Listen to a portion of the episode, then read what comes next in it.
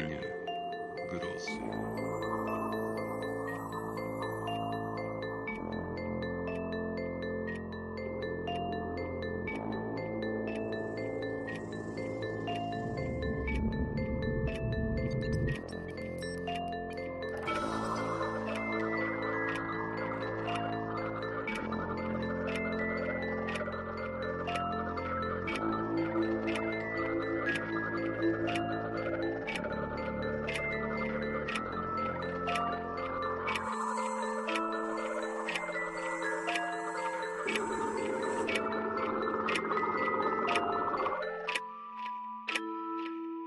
Fitz James O'Brien. Co to było? Wyznaję, że pełen poważnych zastrzeżeń przystąpiłem do dziwnej tej opowieści. Jestem przygotowany na to, że niezwykłe wypadki, które tu pragnę opisać, przyjęte zostaną z powątpiewaniem i wzgardą. Wszystko to z góry przewidziałem. Ufam, iż starczy mi odwagi, by stawić czoło niedowiarkom. Po dojrzałym namyśle postanawiam w sposób możliwie najprostszy i najbardziej prawdziwy opowiedzieć to, co widziałem w lipcu ubiegłego roku, a z czym żaden fakt zanotowany w kronikach zagadek fizyki nie da się porównać. Mieszkam pod numerem na ulicy 26 w Nowym Jorku. Dom ten pod wieloma względami zasługuje na miano dziwnego. Od dwóch lat cieszy się reputacją domu, w którym straszy. Jest to budynek duży i dostojny. Niegdyś otaczał go ogród, a teraz na trawnikach suszy się bielizna. Stara fontanna i parę drzew owocowych, zaniedbanych i nieprzycinanych, świadczą, iż ogród ten stanowić musiał miłe, cieniste zacisze, pełne owoców i kwiatów, rozbrzmiewające słodkim szmerem fontanny. Dom jest bardzo obszerny. Z wielkiego holu wchodzi się na szerokie, kręte schody, a z nich do pokojów o równie imponujących rozmiarach. Jakieś 15 czy 20 lat temu wybudował go pan A, znany nowojorski kupiec, który przed pięcioma laty wprawił świat handlowy w osłupienie niesłychanym wprost skandalem bankowym. Powszechnie wiadomo, iż pan A uciekł złamany do Europy, gdzie niebawem umarł. Ledwo wiadomość o jego śmierci dotarła do Ameryki i została oficjalnie potwierdzona. Wśród mieszkańców ulicy 26 rozeszła się pogłoska, że pod numerem straszy. Wdowę po właścicielu wydziedziczono. Dom zamieszkiwali tylko stróż i jego żona, opłacani przez agenta, w którego ręce nieruchomość przeszła jako obiekt na sprzedaż lub do wynajęcia. Małżonkowie stwierdzili, że dochodzą ich niezwykłe hałasy. Drzwi otwierały się bez widocznej przyczyny. Nieznane ręce układały na stos meble, jakie zostawiono w poszczególnych pokojach. Ktoś niedostrzegalny Chodził po schodach w biały dzień, a krokom jego towarzyszył szelest jedwabnych sukien i szmer dłoni dotykających poręczy. Stróż z żoną postanowili się wyprowadzić. Pośrednik nieruchomości wyśmiał ich, zwolnił z posady, a na ich miejsce przyjął kogoś innego. Odgłosy i nadprzyrodzone zjawiska nie ustawały. Mówiono o tym szeroko w sąsiedztwie, Nikt więc nie wynajmował domu przez trzy lata. Parę osób miało na niego ochotę, ale jakoś zawsze, nim dobito targu, zainteresowani usłyszawszy złowrogie plotki, wycofywali się z transakcji. W tym stanie rzeczy moja gospodyni, która prowadziła wówczas pensjonat na Bleecker Street i pragnęła przenieść się bliżej centrum, powzięła śmiały zamiar. Wynajęła dom numer przy ulicy 26. Przypadek zrządził, iż pensjonariusze zaliczali się do ludzi raczej odważnych i filozoficznie usposobionych, wobec czego przedłożyła nam swój projekt, wyznając otwarcie wszystko, co tyczyło nadprzyrodzonych właściwości domu, do którego zamierza nas przenieść. Z wyjątkiem dwóch osób bojaźliwych, kapitana żeglugi morskiej i kalifornijczyka, którzy z miejsca oświadczyli, że się wyprowadzą, wszyscy lokatorzy pani Moffat postanowili towarzyszyć jej w rycerskim najeździe na siedzibę duchów. Przeprowadzka odbyła się w maju i nowa siedziba dosłownie nas oczarowała. Odcinek ulicy 26 między Aleją 7 i 8 jest jednym z najprzyjemniejszych zakątków Nowego Jorku. Ogrody na tyłach domów zbiegają nad samą niemal rzekę Hudson i w lecie tworzą wspaniałe pasmo świeżej zieleni. Powietrze jest czyste i ożywcze, napływa z rzeki, wprost od wzniesień Weehawken i nawet zaniedbany ogród wokół domu, gdzie w dni prania zbyt może gęsto wiszą sznury z bielizną, był skrawkiem zieleni, na którym chętnie spoczywało oko i chłodnym zaciszem, gdzie w mroku letnich wieczorów paliliśmy cygara, obserwując lot świetlików w wysokiej trawie. Oczywiście, zaraz po przeprowadzce zaczęliśmy wyglądać duchów. Wszyscy oczekiwali ich z prawdziwą niecierpliwością. Przy obiedzie rozmowa toczyła się na tematy nadprzyrodzone.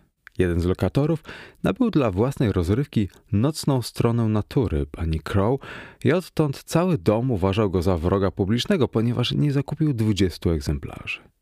Człowiek ten cierpiał straszne męki, zanim przeczytał książkę do końca. Stał się ofiarą zorganizowanej sieci szpiegowskiej. Jeśli przez nieuwagę odłożył książkę i na chwilę wyszedł z pokoju, ktoś natychmiast ją chwytał, a potem garstka wybranych czytała ją na głos w ukryciu. Ja sam zyskałem ogromne znaczenie, odkąd wyszło na jaw, że jestem nieźle zorientowany w sprawach nadprzyrodzonych i napisałem kiedyś nowelę o duchu. Gdy przypadkowo zaskrzypiał stół czy boazeria, siedzieliśmy w dużym salonie, cisza natychmiast zalegała pokój i każdy był przekonany, że zaraz usłyszy brzęk łańcuchów i ujrzy zjawę. Po miesiącu podniecenia musieliśmy głęboko niezadowoleni przyznać, iż nikt nie zauważył nic, choćby w najmniejszym stopniu niezwykłego. Raz służący, Murzyn, zaklinał się, że coś zmuchnęło mu świecę wieczorem, kiedy się rozbierał, ponieważ jednak zdarzało mi się widzieć tego czarnego dżentelmena w stanie, w którym zamiast jednej mógł łatwo dojrzeć dwie świece, wydało mi się całkiem prawdopodobne, iż przez dalsze nadużycie trunków padł ofiarą zjawiska odwrotnego i zamiast jednej nie dostrzegał żadnej świecy. Tak przedstawiały się sprawy, gdy zaszedł wypadek do tego stopnia straszny i niewytłumaczalny, że dostają zawrotu głowy na samo jego wspomnienie. Było to 10 lipca. Po obiedzie wyszedłem z mym przyjacielem, doktorem Hammondem, do ogrodu na wieczorną fajkę. Niezależnie od łączącej nas sympatii, byliśmy związani wspólną wadą. Obaj paliliśmy opium. Każdy z nas znał sekret drugiego i okazywał mu pełne zrozumienie. Razem przeżywaliśmy cudowną ekspansję ducha, wspaniałą intensyfikację zdolności pojmowania, nieznające granic, poczucie, że istniejemy w całym wszechświecie. Słowem, stan niepojętej błogości, którego nie oddałbym za tron królewski, a którego mam nadzieję, mój czytelniku, nigdy nie zaznasz. Doktor i ja ustaliliśmy z naukową ścisłością te spędzane potajemnie godziny szczęścia. Nie zażywaliśmy boskiego narkotyku lekkomyślnie, ani nie puszczaliśmy wodzy marzeniom. Rozmowę świadomie kierowaliśmy na wzniosłe i łagodne tory. Mówiliśmy o wschodzie, usiłując odtworzyć w pamięci magiczną panoramę płomiennych krajobrazów – Krytyce naszej podlegali najbardziej zmysłowi poeci, ci, którzy przedstawiali życie czerstwe i zdrowe, tryskające namiętnościami, radosne poczucie młodości, siły i piękna. W burzy Szekspira zachwycał nas Ariel, niechęcią napełniał Kaliban. Jak w Ebrowie zwracaliśmy twarze na wschód, a oczy nasze dostrzegały tylko słoneczną stronę świata. Tak zręcznie zabarwione myśli rodziły kolorowe wizje. Bogactwa arabskiej krainy baśni opromieniały nasze marzenia. Przemierzaliśmy wąski trawnik dumnym królewskim krokiem. Śpiew rana arborea czepiającego się kory szarej śliwy brzmiał jak dźwięki boskiej melodii. Domy, ściany i ulice roztapiały się jak chmury deszczowe, a obrazy nieporównanego piękna słały się przed oczami. Była to cudowna przyjaźń. Przeżywaliśmy te radości w sposób tym doskonalszy, że nawet w momentach szczytowej ekstazy nie opuszczała nas świadomość łączącej nas więzi. Przyjemności, choć doznawane indywidualnie, pozostawały bliźniacze, wibrowały i unosiły się w muzycznym akordzie. Wspomnianego wieczoru, 10 lipca, wprawiliśmy się z doktorem w nastrój niezwykle podniosły. Z dużymi fajkami z pianki morskiej, nabitymi doskonałym tureckim tytoniem, w sercu którego żarzył się czarny orzeszek opium, jak orzech z bajki zamykający w swej ciasnej łupinie cuda, niedostępne nowym monarchom, spacerowaliśmy pogrążeni w rozmowie. Dziwna przekora kierowała biegiem naszych myśli. Nie chciały płynąć pogodnym torem, w jaki próbowaliśmy je zawrócić. Z niewytłumaczalnych przyczyn zbaczały ciągle w rejony czarne i puste, w krainę wiecznego cienia. Na próżno, dawnym zwyczajem przerzuciliśmy się na wybrzeża wschodu, wspominając wesołe bazary, cudowną erę Haruna, haremy i złote pałace – czarne demony wciąż powstawały z głębi naszej rozmowy i rosły jak olbrzym, którego rybak oswobodził z miedzianej czary, aż przysłoniły nam świetlane wizje. Podświadomie ulegliśmy magicznej sile, pogrążając się w ponurych rozważaniach. Zastanowiła nas skłonność umysłu ludzkiego do mistycyzmu i powszechne niemal umiłowanie grozy, gdy w tym Hammond spytał – co uważasz za najpotężniejszy element grozy? Zaskoczyło mnie to pytanie. Wiedziałem, że różne rzeczy mogą być straszne. W ciemnościach potknąć się o czyjeś zwłoki, Widzieć tak jak ja kiedyś kobietę unoszoną wartkim prądem rzeki z wyrzuconymi w górę ramionami i dziko wykrzywioną twarzą. Kobietę, której krzyki rozdzierały serce, podczas gdy my, widzowie, staliśmy skamienieli w oknie, niezdolni do najmniejszego wysiłku, by ją ocalić i obserwowaliśmy w milczeniu jej przedśmiertną mękę. Opuszczony wrak, pływający bez celu na powierzchni morza, budzi grozą, ponieważ nasuwa myśl o czymś potwornym, czego rozmiarów nie znamy. Ale po raz pierwszy przyszło mi do głowy, że musi istnieć jakieś jedno wielkie i zasadnicze wcielenie strachu. Król grozy, któremu wszystko inne podlega. Co to jest takiego? Jakiemu zbiegowi okoliczności twór ten zawdzięcza istnienie? Wyznam ci, rzekłem, iż nigdy się nad tym nie zastanawiałem. Niewątpliwie musi być coś straszniejszego niż wszystko inne. Nie mogą jednak zdobyć się na jakąś choćby najbardziej ogólną definicję. Tak samo ja, Harry, czuję, że byłbym zdolny znieść coś straszniejszego niż to wszystko, co do tej pory poczęło się w ludzkich umysłach. Coś, co łączyłoby w straszliwy i niezdolny z naturą związek elementy dotychczas traktowane jako sprzeczne. Głosy przemawiające w Wielandzie Brogdena Browna napełniają grozą, tak jak i postać mieszkańca progu Zanoni Bulwera. Ale, dodał Hammond ponuro kiwając głową, na pewno istnieje coś jeszcze potwierniejszego. Daj spokój, powiedziałem. Na miłość boską zostawmy ten temat. Odpokutujemy za to, możesz mi wierzyć – nie wiem, co mi się dziś stało, tłumaczył, lecz nawiedzają mnie najróżniejsze dziwne i ponure myśli. Czuję, że gdybym lepiej władał piórem, mógłbym dziś wieczór napisać historyjkę w stylu Hoffmana. Nie, jeśli mamy rozmawiać w tym stylu, idą do łóżka. Opium i nocne mary nie powinny nigdy iść ze sobą w parze. Jakżeż dziś duszno. Dobranoc, Hammond. Dobranoc, Harry. Przyjemnych snów. A tobie, ponura istoto, niech się przyśnią demony, złe duchy i czarne księżnice. Każdy z nas poszedł do siebie. Szybko zrzuciwszy ubranie, wyciągnąłem się na łóżku, starym zwyczajem biorąc ze stolika książkę, którą na ogół czytałem do poduszki. Otwarłem ją i natychmiast cisnąłem w najdalszy kąt pokoju. Była to historia monstrów Gudona. Dziwny utwór francuski, który niedawno sprowadziłem z Paryża, ale którego w ówczesnym stanie ducha nie uważałbym za przyjemną lekturę. Postanowiwszy zasnąć bez zwłoki, przykręciłem gaz, tak że tylko mały niebieski płomyk migotał wylotu rurki. W pokoju zrobiło się ciemno. Plamka gazowego światła rozjaśniła mrok w promieniu najwyżej trzech cali.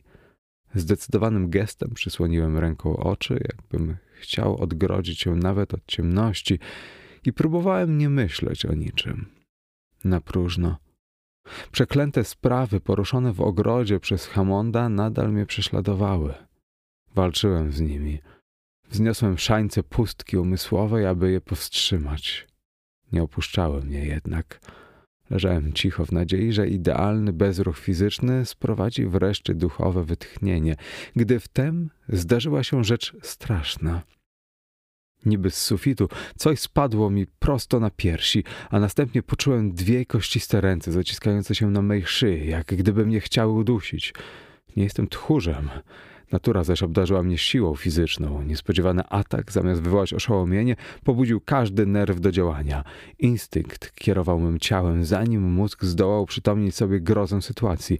Momentalnie plotłem dziwną istotę muskularnymi ramionami, z całą zrodzoną z rozpaczy siłą przyciągnąłem to coś do siebie. Po paru sekundach suche dłonie, które zacisnęły mi się na gardle, zwolniły uchwyt i znów mogłem oddychać. Wywiązała się dzika, zacięta walka w nieprzeniknionych ciemnościach, absolutnie nieświadom, czym może być to, co mnie tak nagle zaatakowało, czułem, że napastnik co chwilę wyślizguje mi się z ręki. Przepisywałem to jego zupełnej nagości. Ostre zęby wpijały mi się w barki, szyję i pierś. Bez przerwy musiałem chronić gardło przed parą żylastych, zręcznych dłoni, których mimo największych wysiłków nie potrafiłem unieruchomić. Walka w tych warunkach wymagała całej siły, zręczności i odwagi, jaką dysponowałem. W końcu, po bezgłośnych, zaciętych, wyczerpujących zmaganiach z niesłychanym trudem, zyskałem nad przeciwnikiem przewagę. Przygniótłszy kolanem coś, co wydawało mi się jego torsem, uznałem się za zwycięzcę. Musiałem chwilę odpocząć. Z ciemności dochodziło sapanie jakiejś istoty. Czułem gwałtowne bicie jej serca. Jedyna pociecha, że musiała być równie jak ja zmęczona. Wtem przypomniałem sobie, iż zwykle przed pójściem spać chowam pod poduszkę dużą, żółtą, jedwabną chustkę do nosa. Sięgnąłem po nią. Chustka była na miejscu. W parę sekund przywiązałem napastnikowi ręce do tułowia. Poczułem się teraz względnie bezpieczny. Nie pozostało nic więcej do zrobienia, jak podkręcić gaz i, zobaczywszy nocnego gościa, obudzić mieszkańców domu. Przyznam, że nie zawołałem ich wcześniej powodowany dumą. Pragnąłem schwytać przeciwnika sam, bez niczyjej pomocy. Ani na moment nie zwolniłem uścisku i tak zsunąłem się na podłogę, ciągnąc jeńca ze sobą. Od palnika dzieliło nas zaledwie kilka kroków. Przeszedłem przez pokój z zachowaniem wszelkich środków ostrożności, trzymając zjawę jak w stalowym uchwycie. Wreszcie Zbliżyłem się na odległość ramienia do plamki niebieskiego światła, która wskazywała położenie palnika. Błyskawicznie oswobodziłem jedną rękę, zwiększyłem płomień i obróciłem się, by spojrzeć na jeńca. Jakakolwiek próba określenia mych wrażeń w chwili, gdy błysnęło światło, spełzłaby na niczym. Musiałem chyba wydać okrzyk trwogi, bo po upływie niecałej minuty pokój zapełnił się mieszkańcami domu. Jeszcze teraz dreszcz mnie przechodzi na to straszne wspomnienie. Nie zobaczyłem nic. Tak. Ramieniem mocno opasałem oddychający, zasapany cielesny kształt. Drugą rękę z całych sił zaciskałem na gardle tak ciepłym i pozornie tak materialnym jak moje własne, a jednak choć trzymałem tę żywą substancję, choć przyciskałem do siebie ciało i to w jasnym blasku gazowej lampy, nie dostrzegłem absolutnie nic, nawet zarysu, cienia. Do tej pory nie potrafię zdać sobie sprawy z sytuacji, w jakiej się znalazłem. Trudno sobie dokładnie przypomnieć to zdumiewające zajście. Wyobraźnia na próżno siłuje ogarnąć ten straszny paradoks. To coś oddychało, Czułem ciepłe tchnienie na policzku. Walczyło zajadle, miało ręce. Tymi rękoma mnie obejmowało. Skórę miało gładką jak moja. Było tam, przytulone do mnie, materialne jak kamień, a jednak całkiem niewidoczne. Dziwię się, że nie upadłem zemdlony ani nie zwariowałem. Musiał podtrzymywać mnie jakiś cudowny instynkt, bo zamiast wypuścić straszną zagadkę, zyskałem jakby na siłach w tym momencie grozy i zacieśniłem chwyt z taką mocą, że niewidzialna istota zadrżała z bólu. Właśnie wtedy wszedł do pokoju Hammond na czele domowników. Widząc mą twarz, bez wątpienia wyglądała niesamowicie, pospieszył ku mnie z okrzykiem. Wielkie nieba, Harry, co się stało? Hammond, Hammond, wołałem, chodź tutaj.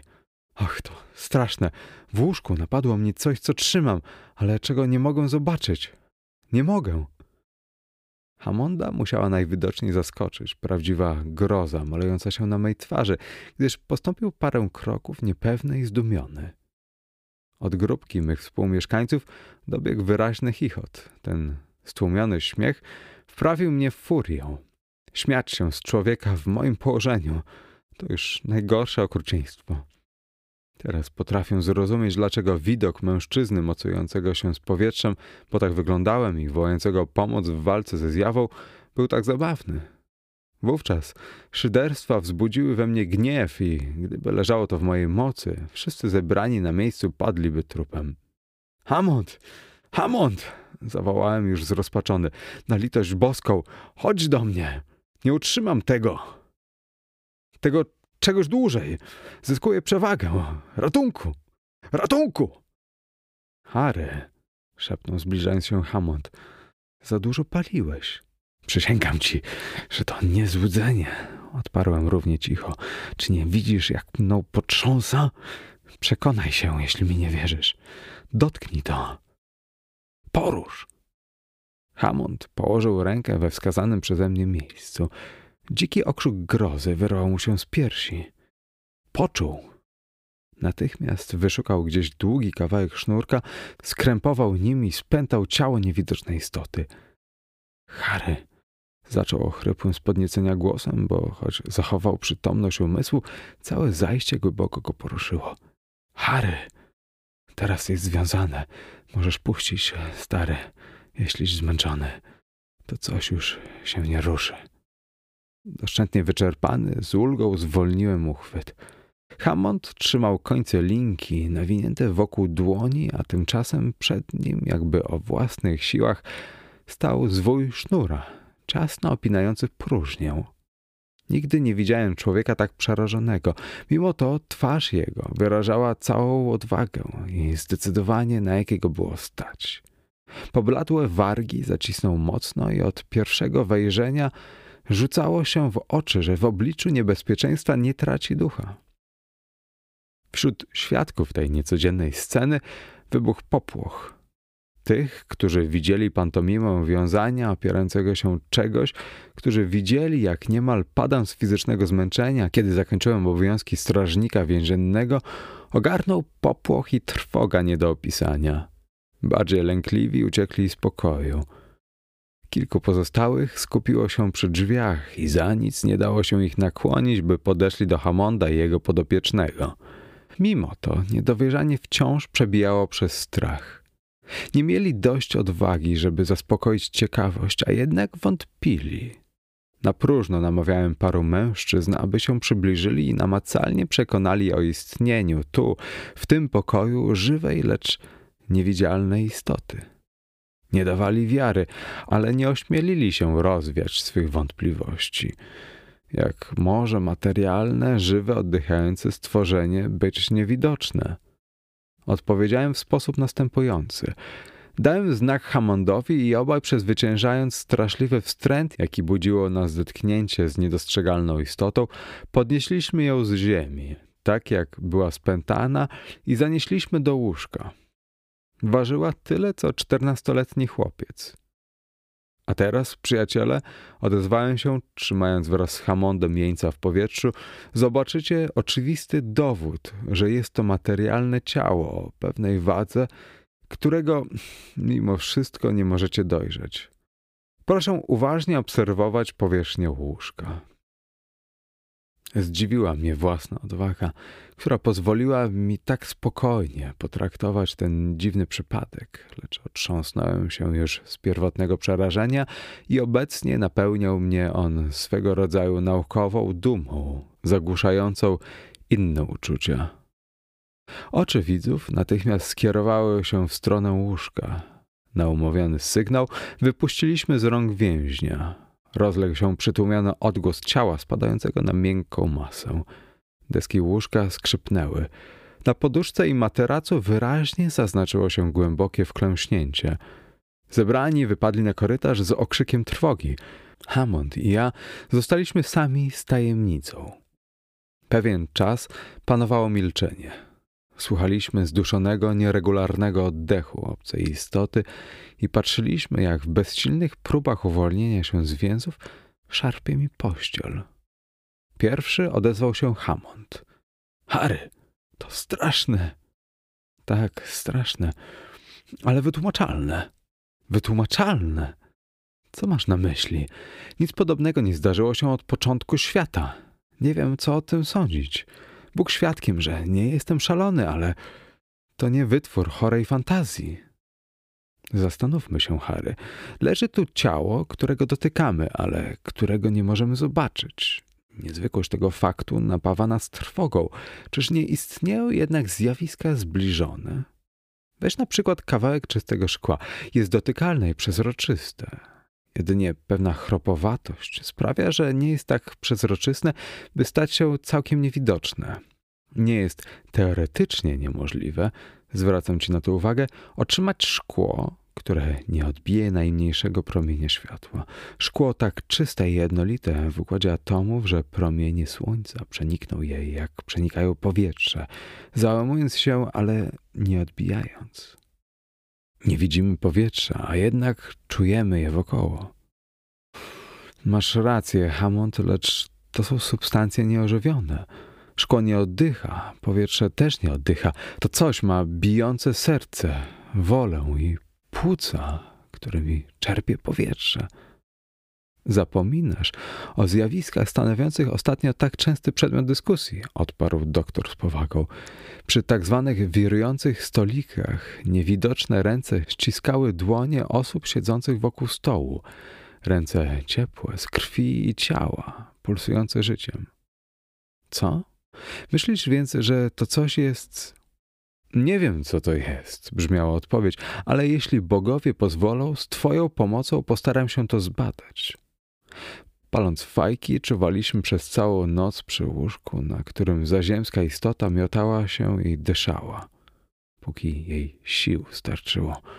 Po pewnym czasie stłumiony regularny oddech oznajmił nam, że zasnęła.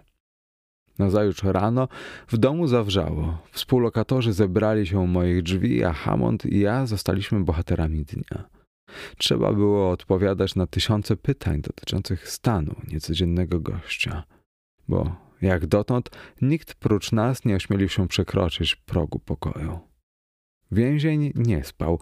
Dowodziły tego konwulsyjne drgania pościeli, którą poruszał, próbując ucieczki. Widok tych wtórnych oznak straszliwej walki o wolność i zmagań inaczej niedostrzegalnych przepełniał grozą. Całą noc głowiliśmy się z Hammondem, jak znaleźć sposób określenia kształtu i przybliżonego wyglądu zagadki. Wodziliśmy po nie rękami, co pozwoliło stwierdzić, że sylwetką i budową przypomina człowieka. Miała usta, kulistą łysą głowę, nos, ale tylko nieznacznie rysujący się na tle policzków, nogi i ręce chłopca. Z początku chcieliśmy położyć tę istotę na czymś gładkim i obrysować ją kredą, podobnie jak szewce obrysowują stopę klienta. Zarzuciliśmy jednak ten plan jako nic nie wart. Zarys nie dałby nawet najlżejszego pojęcia o budowie ciała. Wtem zaświtała mi dobra myśl. Weźmiemy odcisk w gipsie, to utrwali kształt zjawiska i zaspokoi naszą ciekawość. Ale jak tego dokonać? Istota przecież się rusza, co utrudni założenie formy i wszystko popsuje. Przyszedł mi nowy pomysł. Czemu nie dać więźniowi chloroformu? Ma przecież narządy oddychania. Wskazują na to odgłosy, jakie wydaje. Jeśli straci przytomność, możemy z nim robić, co nam się podoba. Posłaliśmy po doktora X. Ledwie dostojny medyk ochłonął z pierwszego wrażenia, przygotował dawkę chloroformu. Już po trzech minutach mogliśmy usunąć więzy krępujące ciało śpiącego. Specjalista zaś przystąpił do okładania niewidzialnej postaci wilgotnym gipsem. Pięć minut później otrzymaliśmy formę, a przed wieczorem niedoskonałą podobiznę tajemnicy. Była zbudowana jak człowiek, zniekształcony, pokraczny, straszny, a jednak człowiek. To coś było małe, jakieś cztery stopy i parę cali wzrostu o niezwykle silnie rozwiniętych muskułach. Twarz przekraczała ohydą wszystko, co dotychczas zdarzyło mi się oglądać. Gustav Dor, Kalot ani Tony Johannot nigdy nie wymyśliliby czegoś równie potwornego. W ilustracjach Johannota do podróży, gdzie wam się podoba, widziałem twarz podobną do twarzy tej istoty, ale jej niedorównującą. Wyobrażam sobie, że taką fizjonomię mogą mieć tylko złe duchy. Sądząc po niej, więzień nasz zdolny był nawet żywić się ludzkim mięsem. Kiedy zaspokoiliśmy już ciekawość, a domownicy zobowiązali się zachować tajemnicę, powstało pytanie, co zrobić z zagadką. Nie można trzymać jej w domu. Nie można również istocie tak przerażającej pozwolić na bujanie po świecie. Przyznaję, że chętnie głosowałbym za jej śmiercią. Ale kto poniósłby odpowiedzialność? Kto podjąłby się uśmiercić tę straszną podobiznę człowieka?